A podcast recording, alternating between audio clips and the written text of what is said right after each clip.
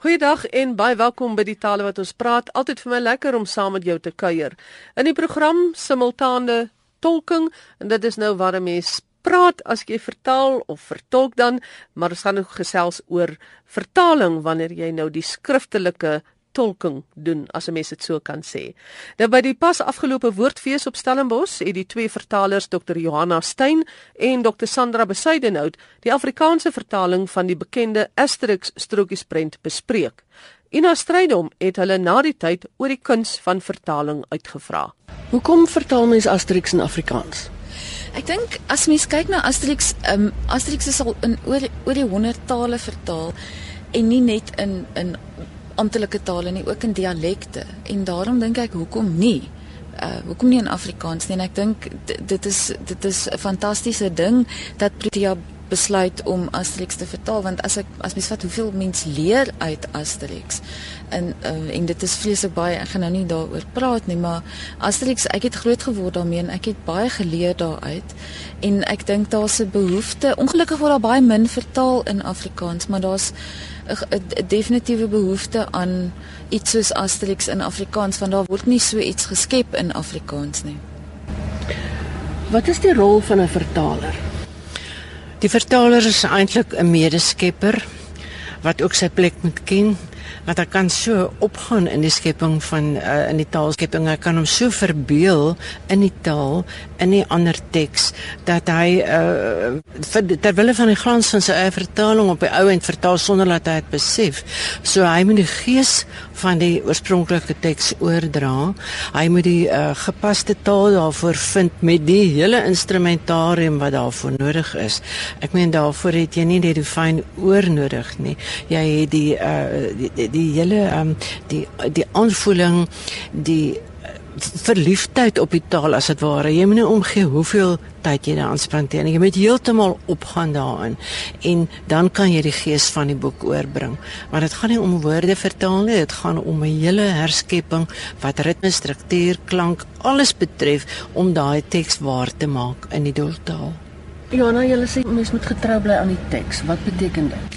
Dit beteken Ehm um, jy moet sê wat die skrywer sê en jy moet ek dink vir my gaan dit daaroor dat die leser ehm um, nie mag uitmis op wat in die bron bronteks staan nie. Jy moet dieselfde uh, gevoel hê aan die einde van van 'n boek wat jy gelees het en veral met Asterix se vertalings dink ek die die belangrike ding van Asterix is die humor.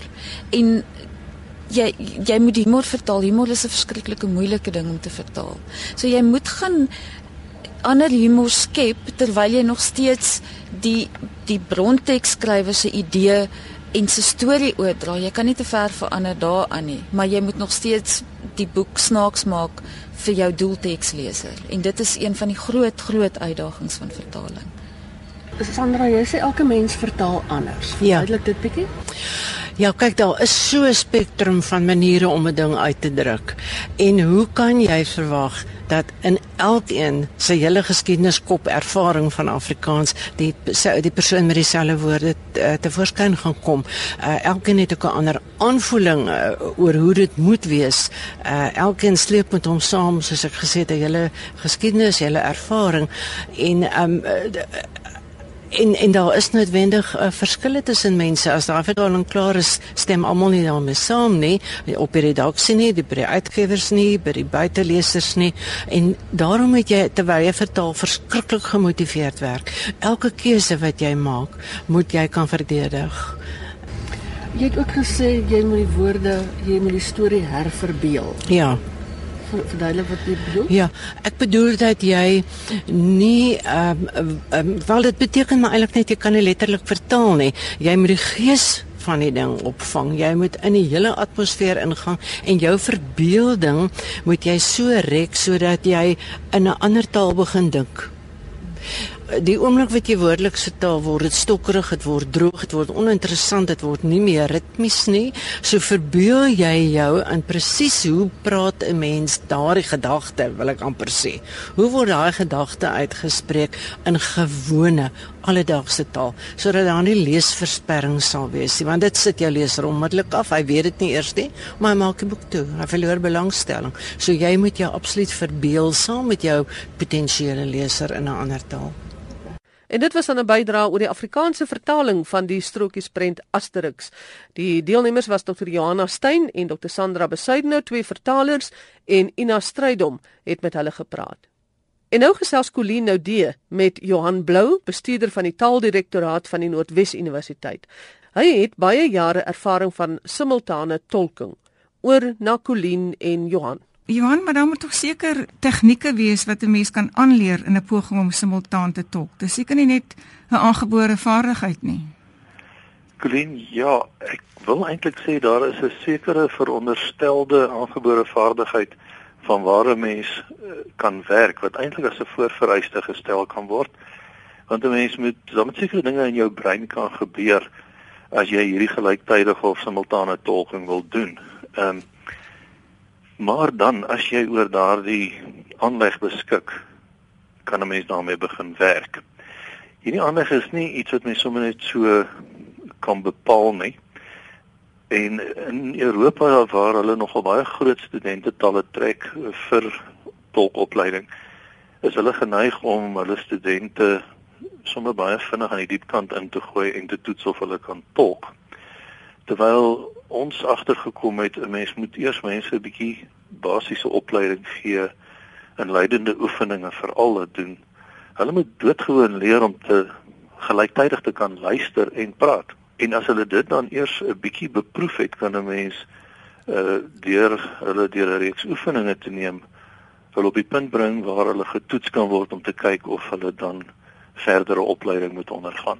En uit die aard van die saak om te kan tolk uit 'n taal in 'n ander taal moet jy al twee tale baie goed ken. Ja, as ons kyk na wat die voorvereistes is vir wat mense in 'n tolk wil hê, dan is dit die eerste ding wat ons altyd maar op ons lysie plaas. Goeie beheersing van al twee die tale wat ter sprake is. Wat gebeur as jy besig is om te tolk en jy kan glad nie op 'n woord kom nie? Weet jy daar is 'n belangrike strategie wat ons nie regtig in Afrikaans nou 'n term nog voor het nie. Dit is 'n lastige ding want dit is eintlik in die in die sielkunde ontwikkel. Hulle praat van chunking waar jy sin maak van inkomende nuwe inligting aan die hand van jou bestaande verwysingsraamwerk en dan deur het het sy deur veralgemening of deur 'n meer spesifieke woord of so dan vir jou 'n ekwivalent te vind wat dalk meer algemeen is soos ek nou gesê het. So jy veralgemeen baie keer 'n term effens of 'n woord effens. Ehm um, as iemand byvoorbeeld praat van kom ons sê maar 'n 'n pistool en jy kan nie aan pistool dink nie, maar jy sou dit veralgemeen na vuurwapen toe. Ja, ja. Dan is dit 'n strategie. Sou iemand praat van 'n firearm en jy kan nie dadelik aan vuurwapen dink nie, sou jy kon sê pistool, revolver, gun. Veral gun sou byvoorbeeld baie goed werk as 'n baie algemene term vir firearm. Maar as jy een van die meer spesifieke soos pistool of revolver sou kies en dis nie 'n pistool of 'n revolver wat ter sprake is nie, dan eh, het jy nou eintlik 'n vertaalfout of 'n tolkfoutjie gemaak daar. So dis dis 'n bietjie 'n kans wat jy waag as jy die meer spesifieke vir 'n meer algemene term gebruik. Maar ander kant toe om kan jy baie maklik daarmee wegkom deur die meer algemene term te gebruik vir 'n meer spesifieke een. Inderdaad. Tolking byvoorbeeld in in 'n hof, daar is dit seker nogal baie belangrik om by die spesifieke woord te hou of soms baie belangrik. Dit is eerder meer so as as wat daar uitsonderings is. Jy moet baie akkuraat wees ervaring tel geweldig baie. Opleiding is onontbeerlik, maar ongelukkig is daar 'n vreemde stelsel die mense begin tolk sonder opleiding en ontvang dan opleiding na gelang hulle aangaan. Uh, en dan as hulle dan nou goed genoeg is, dan word hulle vir opleiding gestuur. Of dis hoe dit in die verlede altyd was. Ek het lanklaas by mense daaroor gesels. Maar dis 'n baie vreemde kar voor die perde span stelsel gewees. jy moet daar baie akkuraat wees want as die, die verskil tussen 'n revolver en 'n pistool kan nogal belangrik wees in 'n hof. En Johan daar by die Noordwes Universiteit het julle 'n hele klomp tolke vir die opvoedkundige tolkdiens. Hoeveel het julle nou al in diens daar? Weet jy ons het op enige tydstip gedurende die jaar ten minste 70 soms tot by 80 uh, mense in diens. En kom hulle na julle toe klaar opgelei of doen julle al die opleidingswerk? ek weet of jy die Engels sê I wish I was so lucky. ja, nee, ons is nie so gelukkig nie. Dis regtig 'n geval van ons kry ons eie timmerhou deur ons eie bome te kweek. Ons werf die mense van oral oor en dan begin ons met van die heel basiese opleiding af werk ons dan ons pad deur met die mense totdat ons hulle uiteindelik op hulle eie kan laat tolk. Hoe lank neem so 'n opleiding van 'n tolk tot jy hom kan gebruik? Dit hou nooit op nie. Want ja. ons is met geweldig baie indiensopleiding deurlopend besig. Maar ons het al uit nood uit geleer dat ons mense met so min as 'n maand se inleidende opleiding uh eintlik al kan begin gebruik maar nie op nie op hulle eie of nie as 'n anker of 'n hooftolk in 'n in 'n tolk situasie nie altyd in 'n spanverband met 'n meer ervare persoon. En as iemand nou daaraan kom en hy's rou het nog nooit in sy lewe getolk nie, wat leer jy hulle vir hom? Dit sluit nou aan by wat ek vroeër genoem het, Colleen, ons begin met die mense net eers baie eenvoudige oefeninge doen om hulle te leer om te luister en te praat en dit gelyktydig te doen. Ons sal byvoorbeeld begin met 'n uh, intratalige oefening waar ons met ander woorde net binne die enkele taal werk, sê net maar Engels, waar ons doeteenvoudig vir mense 'n uh, opname in Engels speel en hulle doen wat ons noem shadowing of skadu talking. Hulle sê net agterna in dieselfde taal presies wat daar gesê word. Daarom dat skadu talking nie heeltemal so uh, akkurate term is nie want jy tolk nog nie. Dan herhaal jy net jy so jy leer om te luister en te praat. Wat ons agtergekom het is mense luister natuurlik met aandag. So jy is reeds besig met 'n deel van die verwerkingsproses wat jy uiteindelik moet kan doen om te kan tolk ook. Mense sal byvoorbeeld as ons hulle daarop wys dat jy moet let op volgafstand wanneer jy tolk want jy jy natuurlik in in daai opsig is simultaan of gelyktydig eintlik ook nie heeltemal akkuraat nie want jy's altyd effens agter. So jy het altyd 'n volgafstand en jy as jy met hierdie volgafstand speel, kan jy vir jouself tyd koop. Deur byvoorbeeld die volgafstand effens te vertraag, kry jy 'n groter stukkie inligting in die brontaal. Nou presies dieselfde oefening kan gedoen word in hierdie skadu oefening. Want ons sê vir mense varieer bietjie jou volgafstand en kyk wat gebeur. Maak dit langer en maak dit korter. En dan begin hulle homself dinge op te let soos ja, as ek dit te lank maak, dan begin ek my geheue oorlaai want ek kan net soveel woorde onthou van dit wat reeds gepraat is want hulle het niks op skrif nie. Dit kom hulle hoor net.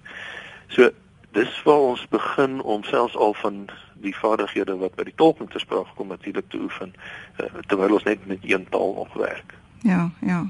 Net 'n laaste vraag Johan, wat moet gebruikers in gedagte hou as hulle tolk optimaal wil benut? Daar's so baie dinge waaroor ons eintlik nog moet praat oor.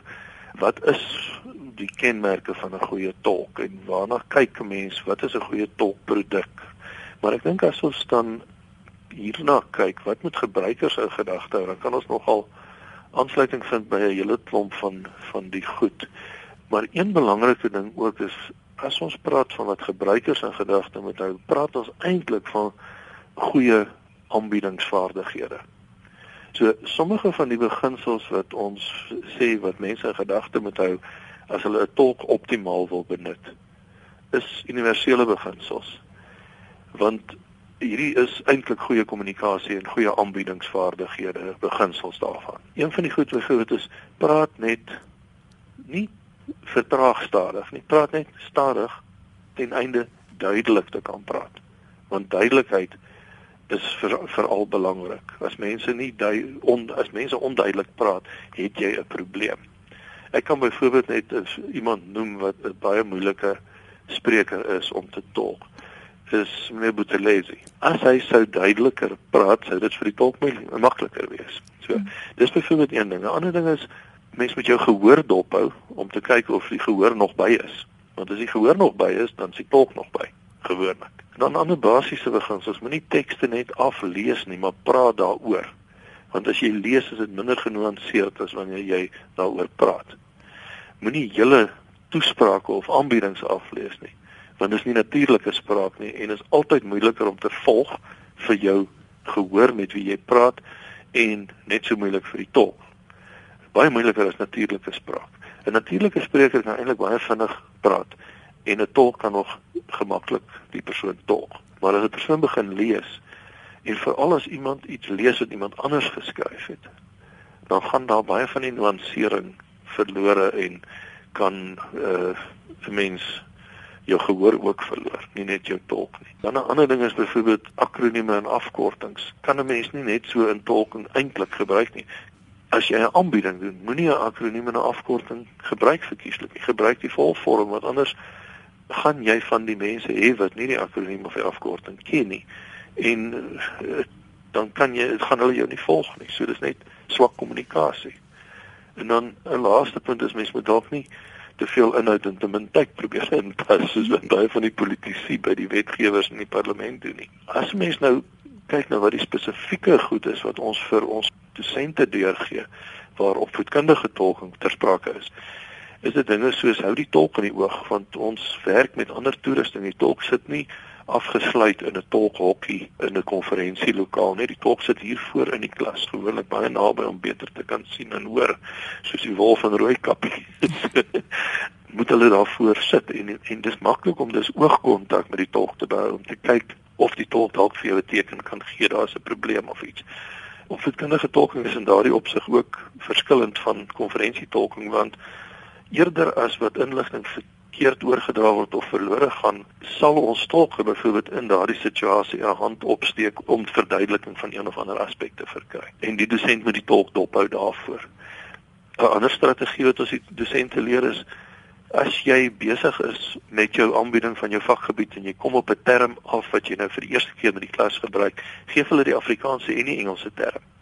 Want dit help jou Afrikaanssprekende studente om die Engels te leer ken en omgekeerd en dit help jou tolk. Want nou hoor die tolk ook die term. Hoewel die tolk gewoonlik baie goed voorberei het kan dit gebeur dat uh, hy nie op daardie oomblik aan daardie term byvoorbeeld kan dink nie. Dan is daar 'n ander baie eenvoudige ding 'n uh, vraag van studente moet herhaal word sodat die tolk beter kan hoor wat daar gesê is of kan hoor wat daar gesê is want soms kan die tolk glad nie hoor nie maar dan ook wat mense nie uit gedagte moet verloor nie is dat die res van die klas dan ook dalk ook die vraag nie gehoor het nie en daarom deur die vraag te herhaal voor jy die vraag begin beantwoord maak jy seker jou klas is almal by. So dis byvoorbeeld nog iets. En dan eh, net 'n laaste interessante ding. Ons sê vir die dosente as jy iets in die brontaal op die plek, op die bord skryf, soos in Afrikaans waar daar in Engels ingetolk word, sê wat jy skryf want tolke is nie veronderstel om wat jy skryf te tolk nie. Hulle is veronderstel om te tolk wat jy sê. So jy moet hardop skryf sodat die tolk jou kan tolk. En mense dink nie altyd daaraan nie. So dis vir voorbeeld interessante goed. Dit was dan Johan Blou, bestuurder van die Taaldirektoraat van die Noordwes Universiteit en hy het gepraat oor simultane tolking. Colino die die bydrae versorg. En ek sluit af. Hy het die keurigste en vleurigste Afrikaans gebruik in sy praat en in sy skryf. RSG bring hulde aan die meester Henny Oukamp. En 'n beter beskrywing van hoe hy die Afrikaanse woord gebruik het, is daar nie vir my as 'n rit deur die lang Karoo. 'n Deel uit sy kabaret, 'n vuur gevang in glas. Amanda Strydom. Eendag mooi blom langs die pad met pers en purpertuite. Roep name uit oor die Karoo en dring vlamskerp deur my ruite. Waar is Bibelbomsberge? Waar die kandebo? Die ronne, ronne kommetjie, Mariko, se mooi blommetjie. Fluister by Lusikie, sikie, die riete teen mekaar. Hoe galsterig in hierdie son is sout en droogte puts van jou. Eendag mooi wil dadelik weer. Sy dag is haas vervloe. Vlaktes tyd in die Karoo. Toe sy my raai vermoë. Gaan jy nog eendag alles sien? Kom uit om moe kalk en dan word dit aand oor die Karoo en 'n blomtuit hang verwelk Waar is Bibelbomse berge en waar die kande bo die ronne ronne kommetjie. Mariko se mooi blommetjie. Waar begin in watter berge? Die sonder entrevier moet entkry in 'n ander of reguit see toe stuur. Waar waterberge, die sonder end rivier, moet toch end krijgen.